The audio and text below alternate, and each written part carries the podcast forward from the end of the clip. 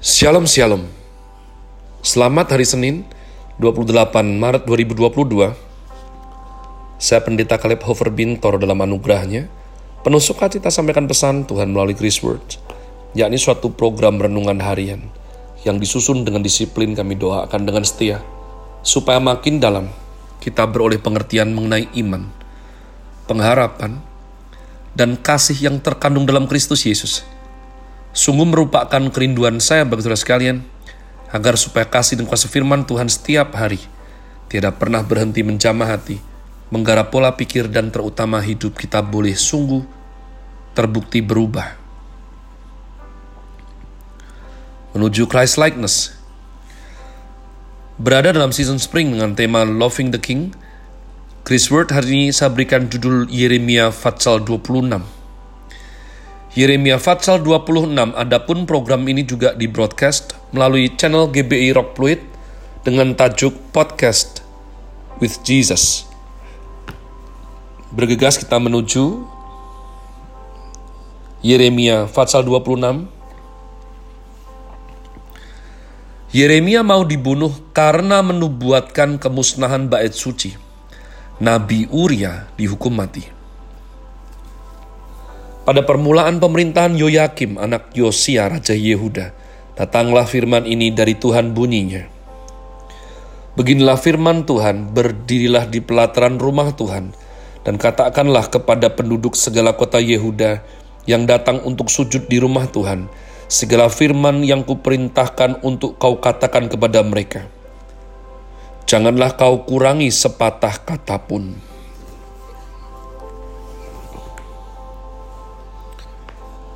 Mungkin mereka mau mendengarkan, dan masing-masing mau berbalik dari tingkah langkahnya yang jahat, sehingga aku menyesal akan malapetaka yang kurancangkan itu terhadap mereka, oleh karena perbuatan-perbuatan mereka yang jahat. Jadi katakanlah kepada mereka beginilah firman Tuhan, jika kamu tidak mau mendengarkan aku, tidak mau mengikuti Tauratku yang telah kubentangkan di hadapanmu, dan tidak mau mendengarkan perkataan hamba-hambaku, para nabi yang terus-menerus kuutus kepadamu tetapi kamu tidak mau mendengarkan.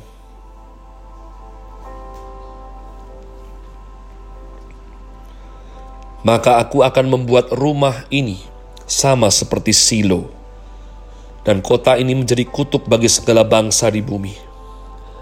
Para imam, para nabi, dan seluruh rakyat mendengar Yeremia mengucapkan perkataan-perkataan itu dalam rumah Tuhan.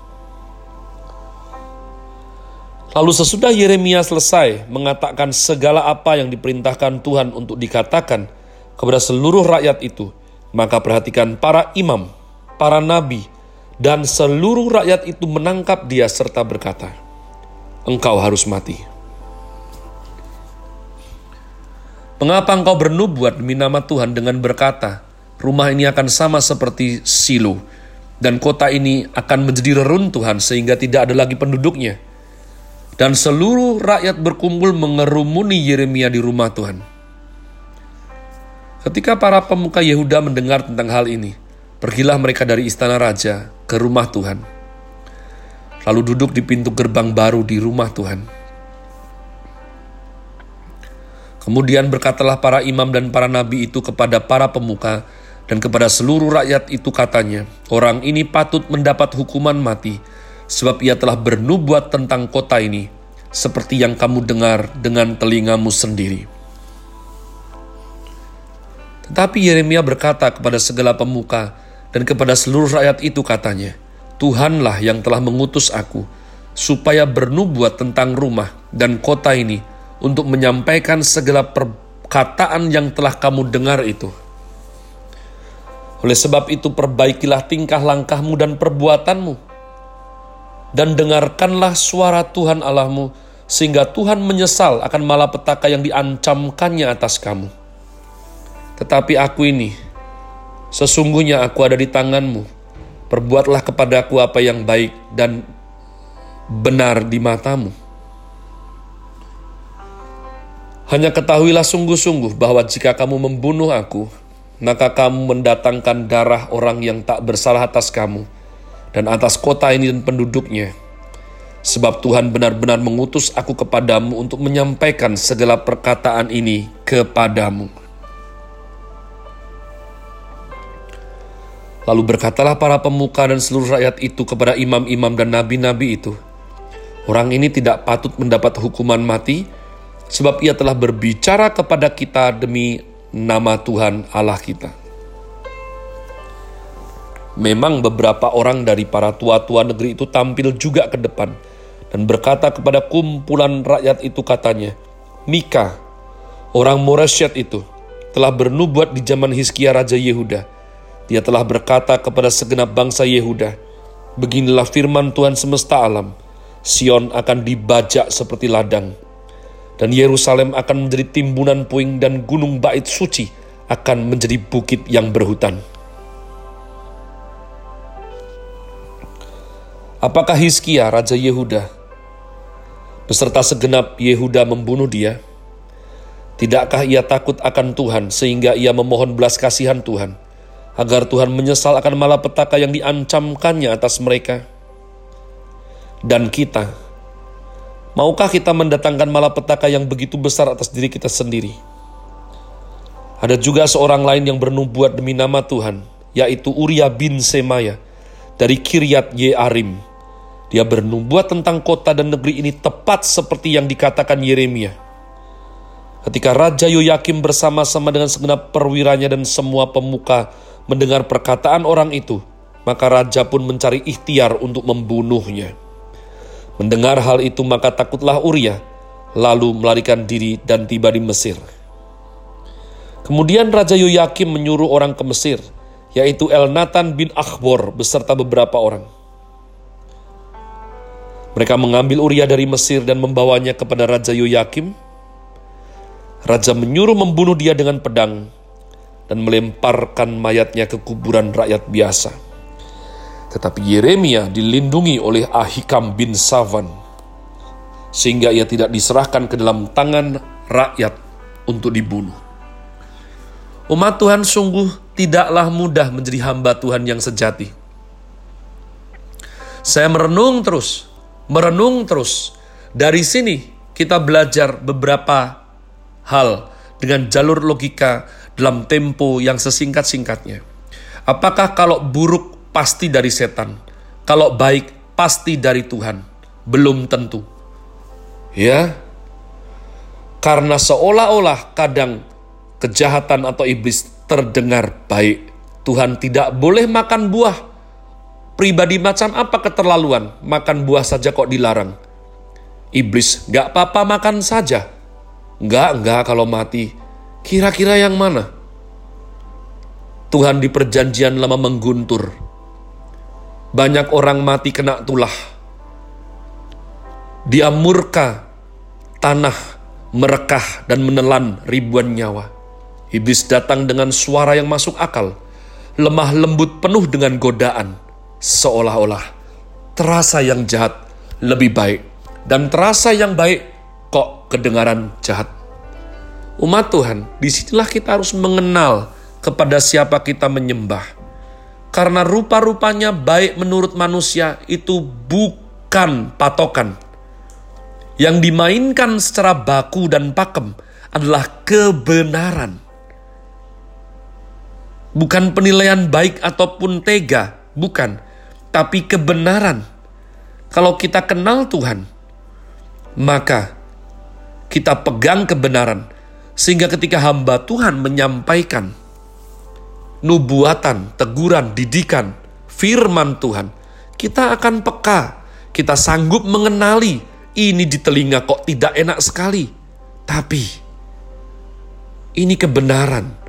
Firman Tuhan pernah menulis yang seperti ini. Perhatikan tadi umat Tuhan, ketika berdiri orang-orang dipakai Tuhan termasuk Ahikam bin Safan untuk membela supaya Yeremia tidak dibunuh.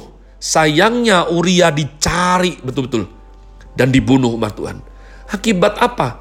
Apakah karena akibat dia melarikan uang persembahan atau tidak jujur terhadap Tuhan? Tidak. Justru karena dia menyampaikan kebenaran, dia dibunuh. Jadi, saya ajak jangan hanya beragama Kristen, ya, lalu suka dengar yang enak-enak. Jarul logikanya seperti ini bagi para hamba Tuhan. Saya renung lama. Saya lihat sejarah ketika kekristenan memasuki daripada daerah Denmark, ya Viking, maka oleh beberapa bangsa yang gemar berperang, setelah memeluk Kristen, mereka memaksakan iman Kristennya untuk dianut orang lain. Dan mereka menganggapnya bahwa itu perintah Tuhan. Jadi seolah-olah semua orang sekarang berhak berkata bahwa yang suruh dia Tuhan. Temponya nggak banyak, tapi perhatikan baik-baik. Saya rasa Yeremia memberikan suatu teladan bagi kita para hamba Tuhan supaya berani. Lihatlah apa pesan yang dibawa Yeremia bertobatlah, kalau tidak Tuhan murka. Nah, bedakan dengan para hamba Tuhan yang dengan berani sekali minta uang, kumpulin dana demi nama Tuhan. Yeremia tidak umat Tuhan. Yeremia hidup tidak gampang. Hidupnya susah umat Allah. PR-nya sulit, tugasnya nggak gampang. Dia khotbah betul-betul khotbah yang bukan favorit. Dia khotbah pertobatan terus sampai orang bosan. Jadi saya rasa sebagai hamba Tuhan, saya harus belajar kapan saya nekat ya, kapan saya dorong diri saya sendiri yang ketakutan, sehingga boleh berani? Berteriak menyampaikan pesan kemarahan Tuhan, bahwa kalian keterlaluan, kalian tidak menghormati perjanjian Tuhan, kalian tidak menghormati namanya yang kudus, dan kalian menyembah ilah lain, dan kalian akan dimurka oleh Tuhan. Dan saat seperti itu umat Tuhan siapa yang paling dirugikan? Saya. Kalau tidak kehendak Tuhan, maka bisa jadi mati seperti Uria. Jadi beda sekali dengan para hamba Tuhan yang memiliki keberanian yang luar biasa sekali untuk menarik uang, mengumpulkan dana sebanyak-banyaknya daripada umat dan berkata, itu yang suruh Tuhan. Kenapa saya merasa penting menyampaikan ini? Karena ada orang yang saya nasihatin juga seorang hamba Tuhan. Dia berkata, Kaleb tugas kita beda-beda. Kamu merasa disuruh Tuhan, saya pun juga merasa disuruh Tuhan. Waduh, betul juga ya. Maka saya tidak mau menghakimi umat Tuhan. Ketika Tuhan suruh, Tuhan yang bela. Ketika Tuhan suruh, maka kalau ada apa-apa, kita bersama Tuhan menanggungnya. Itulah yang betul sebagai seorang hamba sejatinya Tuhan. Have a nice day. Tuhan Yesus memberkati saudara sekalian. Sola. Grazie.